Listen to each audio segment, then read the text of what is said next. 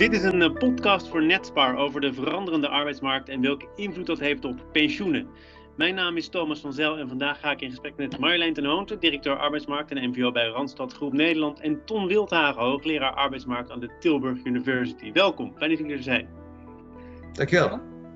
Met uh, Ton en Marjolein laat ik bij jou beginnen, Marjolein. Uh, een open vraag om mee te beginnen, want hoe goed of hoe slecht functioneert op dit moment de Nederlandse arbeidsmarkt? Ik denk dat we door de bank gekomen kunnen zeggen dat de rek er wel uit is en dat die niet meer goed functioneert. op, op welke manier vinden mensen de weg naar werk en werkgevers de weg naar mensen? Dat kan echt veel beter. Um, en met name mensen die um, proberen te wisselen van sector. Dus zolang het maar in één sector is, zoals we dat nu nog noemen, dan gaat het misschien wel goed als je onder de 40 bent. Boven de 40 wordt dat wel weer lastiger.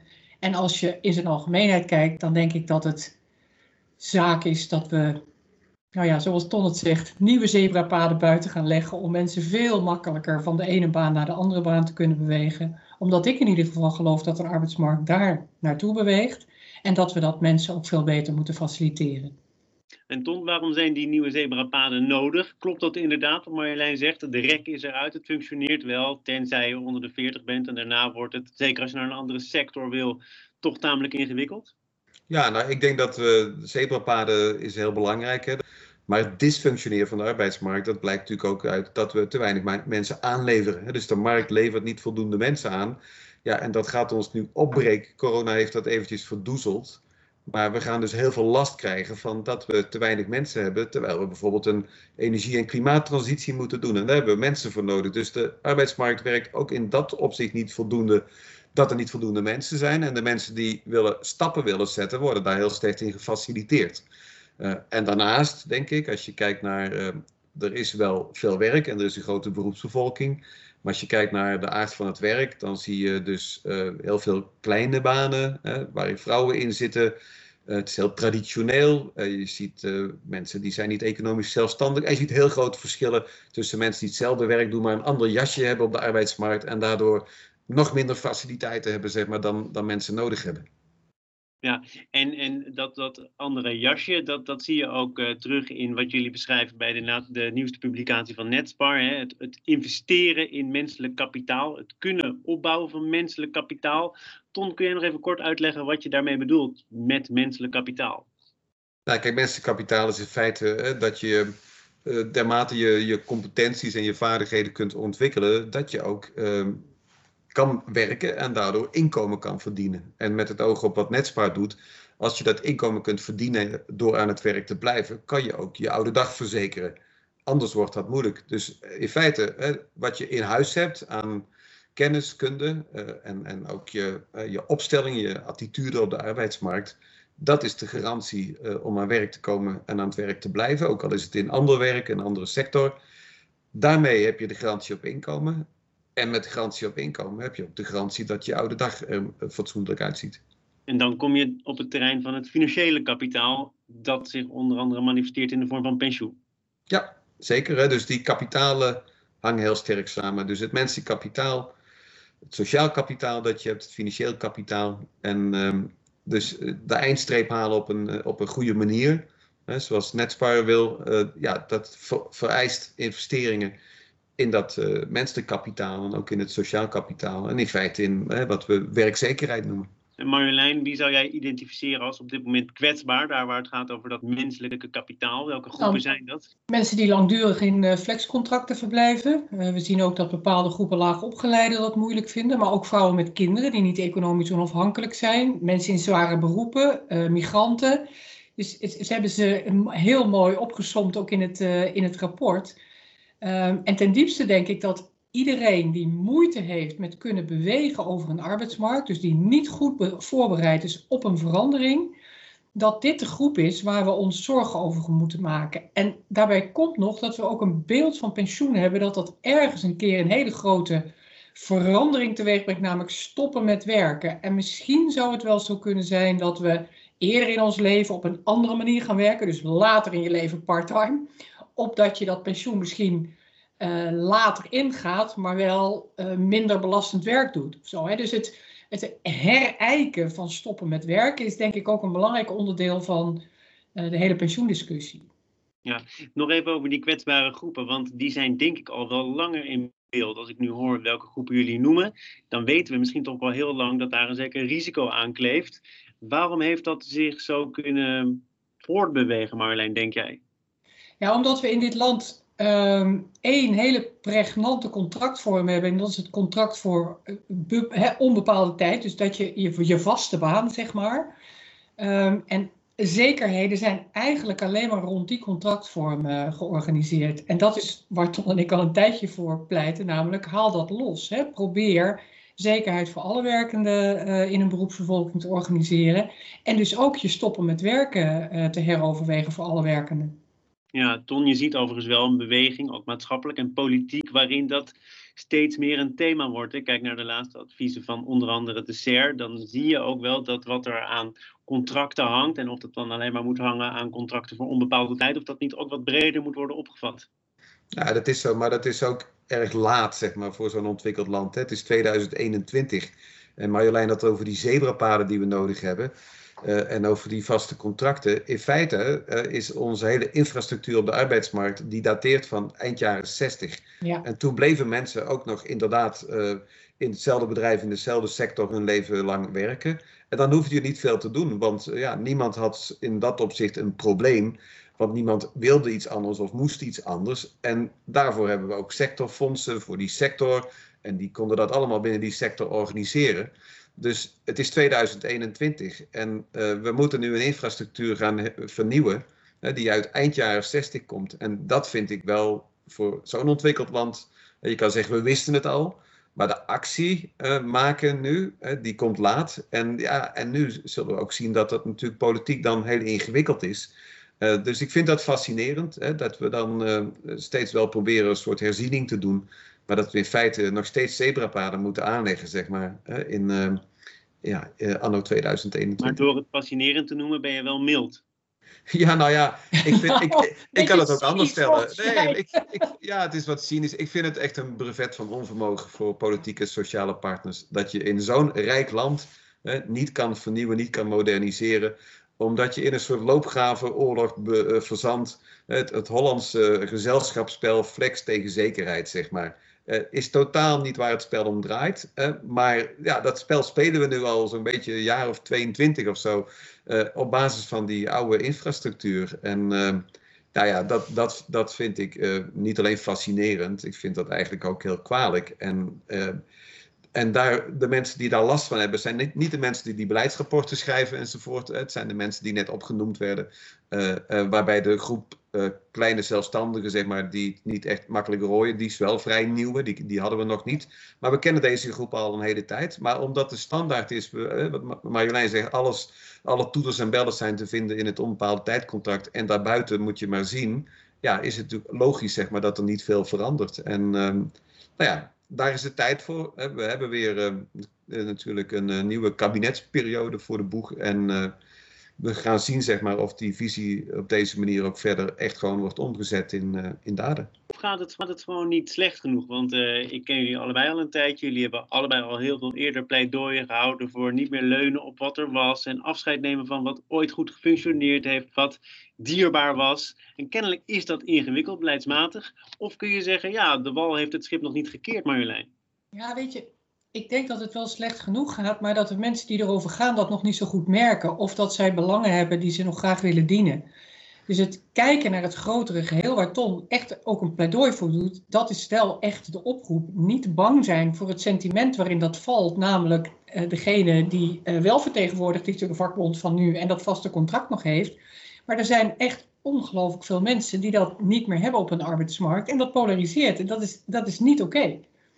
Eh, jullie kunnen daar natuurlijk uh, beroepsmatig over meepraten. Maar ik heb jullie eigen cv's er ook nog eens even bij gepakt. Jullie werken zelf natuurlijk ook al heel lang voor dezelfde werkgever. Ja. Uh, Marjolein, stel nou dat dat inderdaad niet meer de norm is. Hè? Hoe weet je dan bijvoorbeeld wat jij nodig hebt om op de arbeidsmarkt mee te kunnen? Wat ik heel belangrijk vind en waar ik ook vanuit mijn positie heel hard aan werk, is dat, dat die zaken die voor mensen in uh, werk geregeld zijn, dat die portable zijn.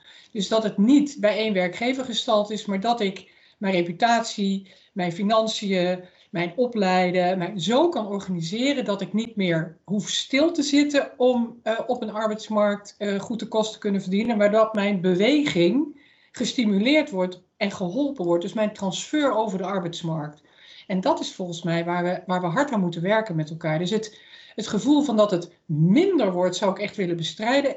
Het, het wordt anders, omdat je kunt zeggen: oké, je bent nu werkzaam in de ene sector, we helpen je bewegen naar de andere sector en we staan stil bij wat jouw noden zijn. Dus wat jij daadwerkelijk nodig hebt om ook gewoon in een maatschappij te kunnen functioneren. En dat zijn een stuk of zeven, acht dingen die mensen heel graag voor zichzelf willen organiseren. En die nu heel erg aan dat ene contract gehangen zijn.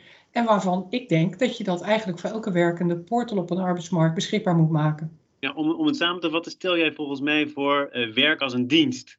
Toch? Ja, een ontslagvrij. Ja, work as service, zeg ik. Ja, dus, work as service.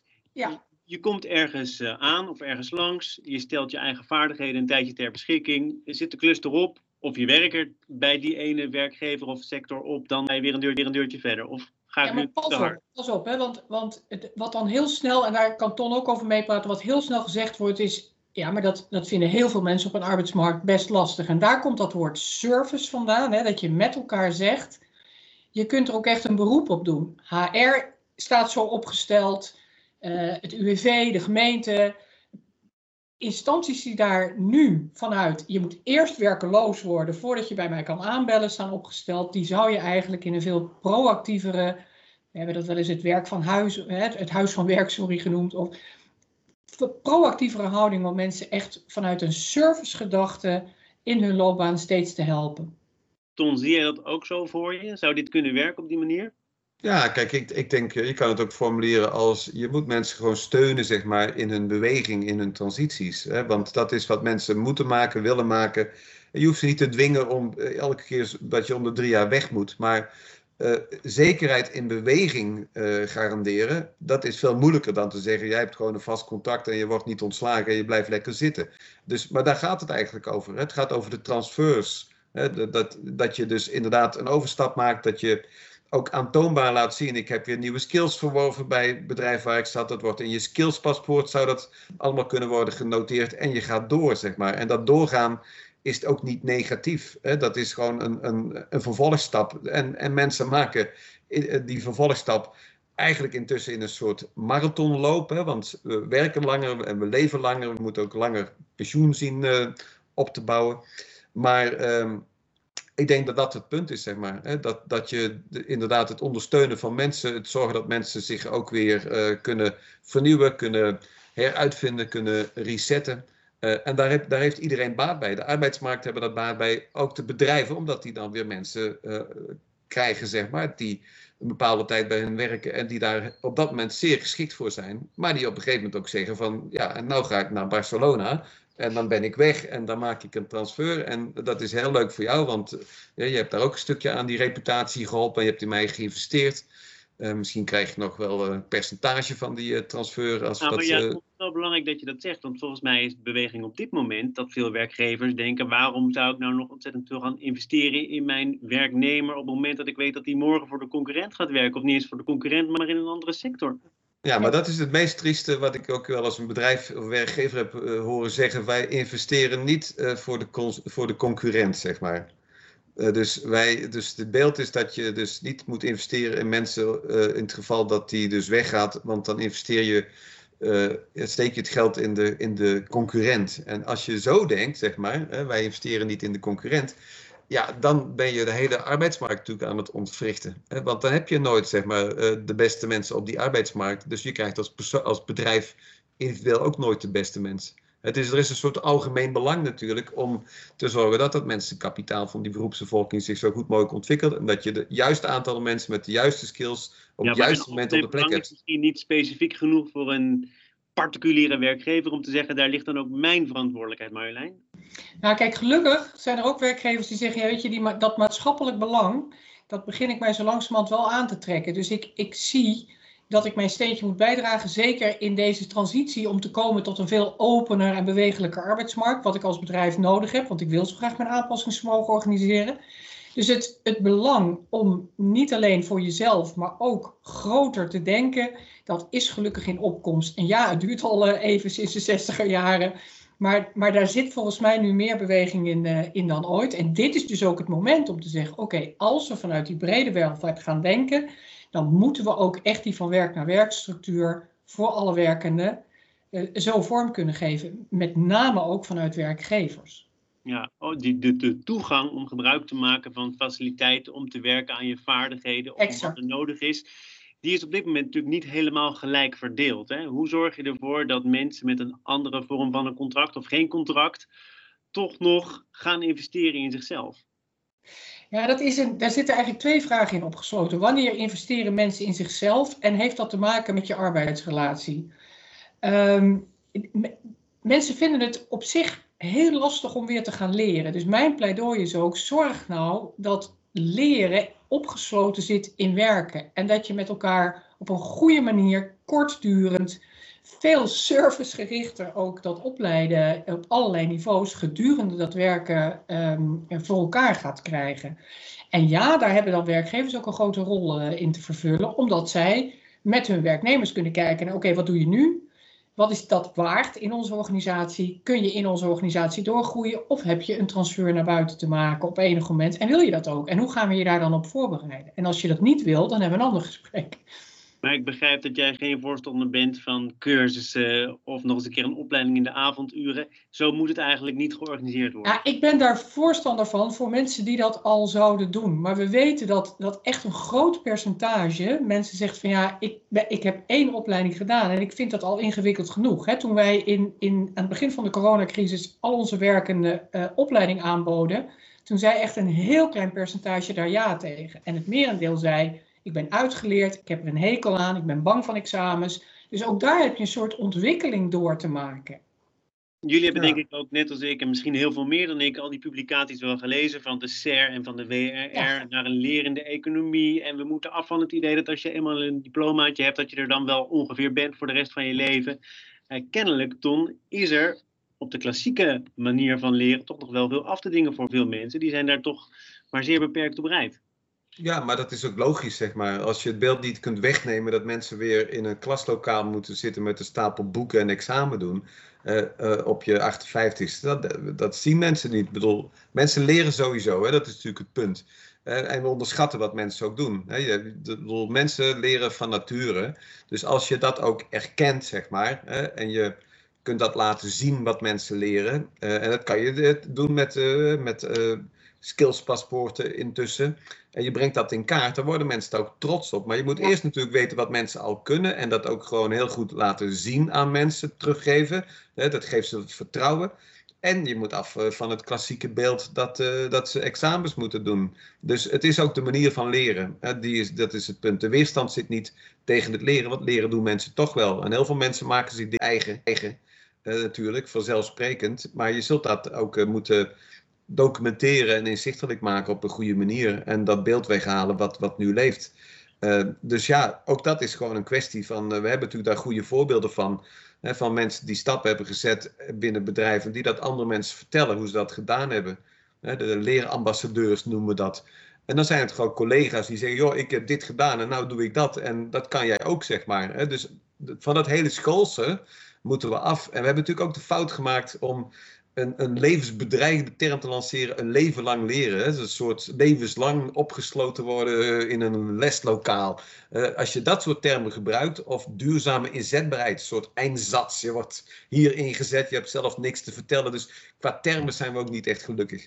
Nee. Maar Ton, zijn er denk je veel mensen die op dit moment zich onvoldoende realiseren dat er het nodige moet gebeuren, willen zij ook over vijf of tien jaar aan het werk zijn. Misschien dat heel veel mensen denken, ach, ik beschik toch over de juiste vaardigheden, ik heb mijn papieren, ik heb een baan die er over vijf jaar ook nog wel is, die toch te veel achteroverleunen.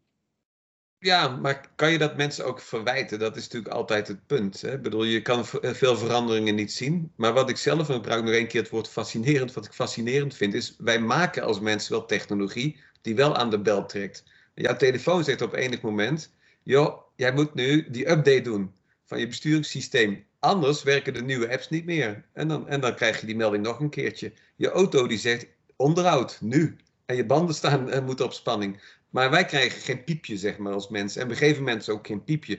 Dus mensen die doen wat ze doen en die doen dat. Maar die weten niet hoe ver bijvoorbeeld hun afstand tot de robot intussen is. Uh, en je kan het eigenlijk vaak zien, zeg tegen mensen, kijk gewoon als er mensen bij je weggaan, wat voor mensen nemen ze dan aan? Zijn dat mensen die dezelfde dingen kunnen doen? Nee, maar let dan op wat die mensen wel kunnen, want dat is jouw toekomst, zeg maar. Mensen, de nieuwe mensen kunnen al andere dingen. En dat is denk ik cruciaal. Dus ook daarvan moet je natuurlijk. Eh, mensen hebben zelf de verantwoordelijkheid, het is hun eigen menselijk kapitaal. Maar meekijken met mensen en het inzichtelijk maken. Als we dat kunnen met auto's en mobiele telefoons, kunnen we dat bij mensen ook. Maar dat doen we niet omdat dat, ja, dat is allemaal misschien bij grote bedrijven om de vijf jaar, zo'n scan of zo. Maar ook dat moet doorlopend. Leren doorlopend. En doorlopend zonder paniek te zaaien. Dat je gewoon ziet van. Um, nou ja, je wil niet dat mensen straks denken: ik loop met een soort houdbaarheidssticker op mijn rug. Hè? Houdbaar nog tot uh, eh, 1 januari 2023. Uh, eh, en in feite is dat wel het geval. Uh, en dat is, vind ik heel triest. Zeker mensen die zich zo hebben ingezet voor een bedrijf, hè, die van alles hebben gedaan. En eigenlijk hebben ze zo'n sticker en, en niemand doet iets aan die sticker, zeg maar. Marjoleine, ik zie dat jij popelt om te reageren.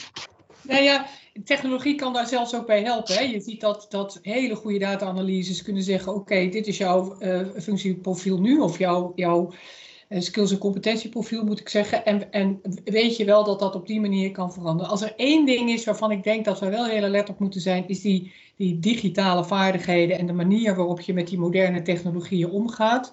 Uh, nou, daar kennen we allemaal uh, de cijfers van. Dat blijft gewoon zwaar achter.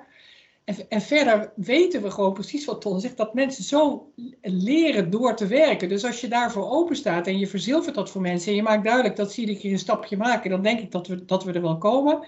Digitalisering, daar moeten we wel iets mee. Maar, maar zijn er op dit moment veel mensen, denk jij, die uh, zichzelf niet voldoende hebben onderhouden, achterstallig onderhouden, of die een laatste ja. update missen?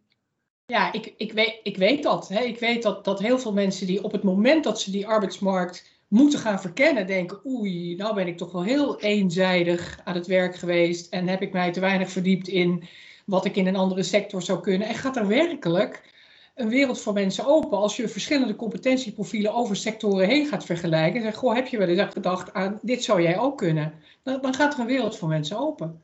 en dan zijn vaak de latende arbeidsvoorwaarden heel belemmerend, want we weten gewoon in welke sectoren dan op enig moment mensen vrijkomen en, en, en waarom dat is. En dan zijn de latende uh, ja, arbeidsvoorwaarden vaak heel beperkend om die stap te maken.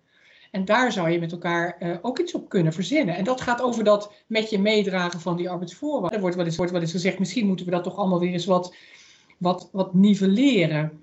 Uh, Ton heeft wel eens gezegd, er komt ook een zekere versobering om, om, omdat het gewoon niet zo kan zijn dat dat alsmaar doorgroeit. Zo, een van wat precies?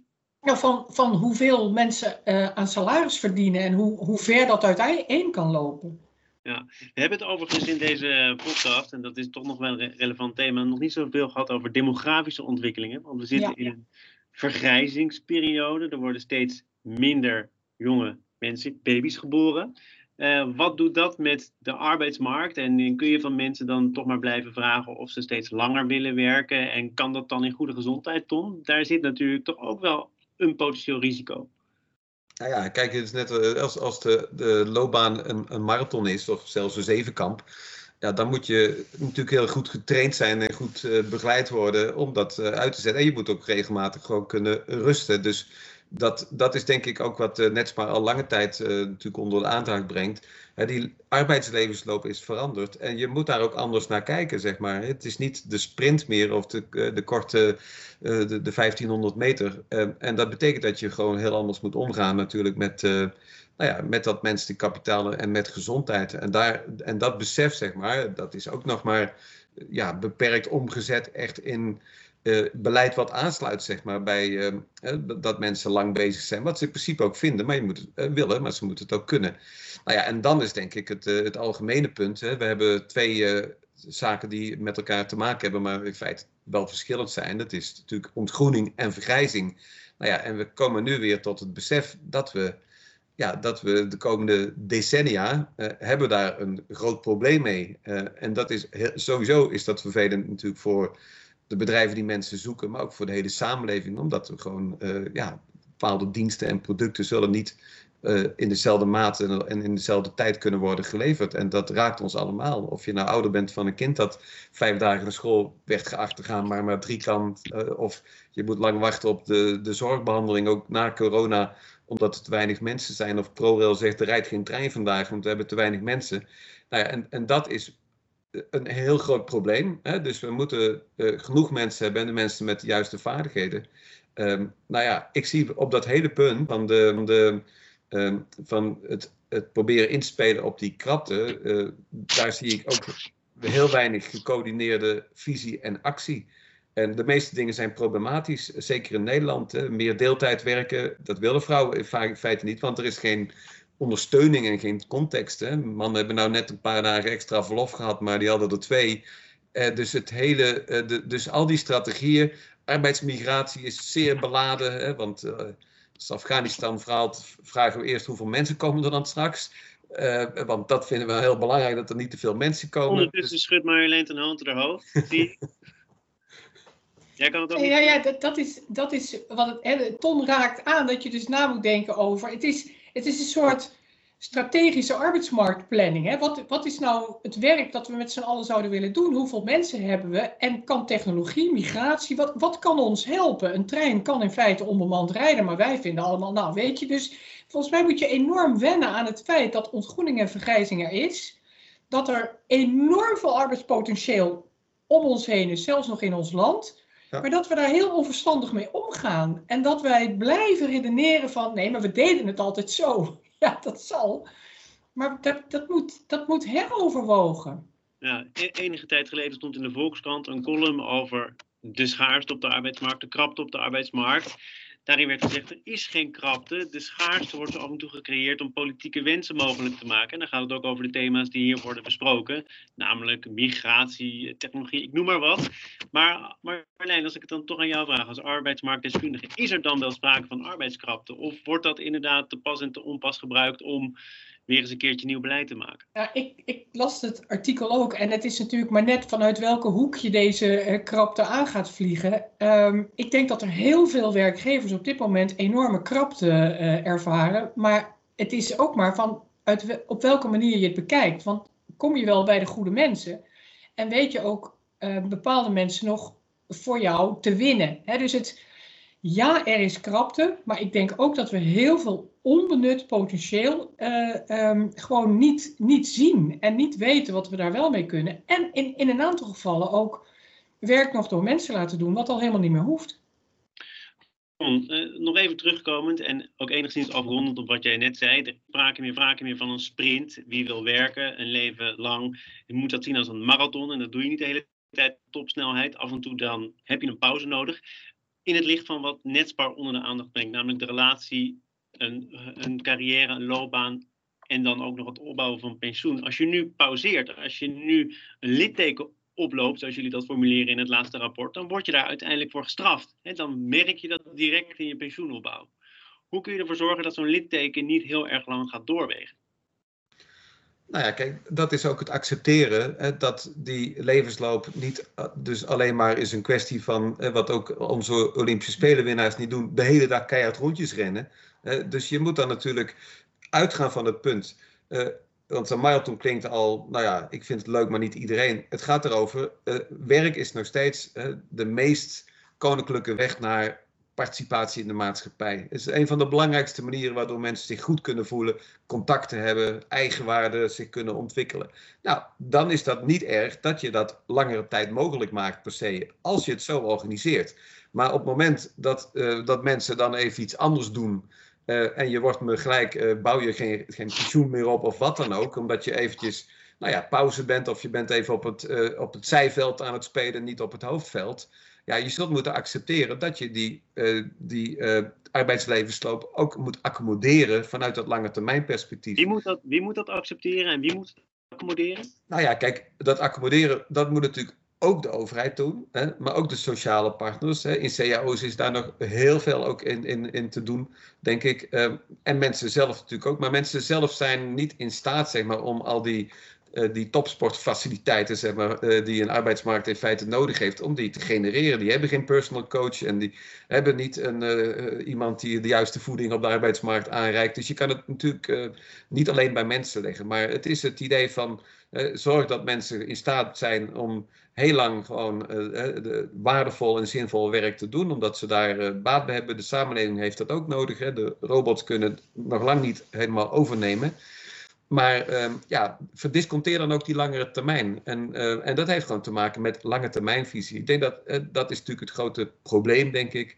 lange termijnvisie is moeilijk, maar als je dat voor de arbeidsmarkt niet kunt ontwikkelen en ook niet in de praktijk kunt brengen, nou ja, dan krijg je gewoon de situatie dat mensen op een 29ste al in de derde burn-out zitten. En dat kan niet zeg maar de bedoeling zijn. Marjolein, wat zou je hier tot slot nog aan willen toevoegen? Nou, dit is, kijk, we, we zijn ook ooit voor vakantiedagen gaan sparen. Dus je kunt ook voor andere dingen een systeem bedenken waardoor je kunt zeggen: Ik ben er even niet, maar ik heb wel inkomen. En ja, dat vraagt de toekomstige arbeidsmarkt. Je moet kunnen transfereren, je moet kunnen uitrusten, je moet heel kunnen blijven. En dat hebben we met elkaar te ontwerpen. Ja, en ik denk dat het aansluit bij hoe we begonnen. Kijk, we maken niet alleen maar, hè, we hebben niet alleen maar die arbeidslevensloop, maar je maakt in je leven transities. Misschien weer terug, een tijdje terug naar school. Uh, of je gaat toch een tijd uh, mantelzorgen of voor iemand zorgen. En dan kom je weer terug. En dat is denk ik het punt. Hè. Goede transities ondersteunen. Hè, dat noemen we ook wel de transitionele arbeidsmarkt. Dat is gewoon de essentie.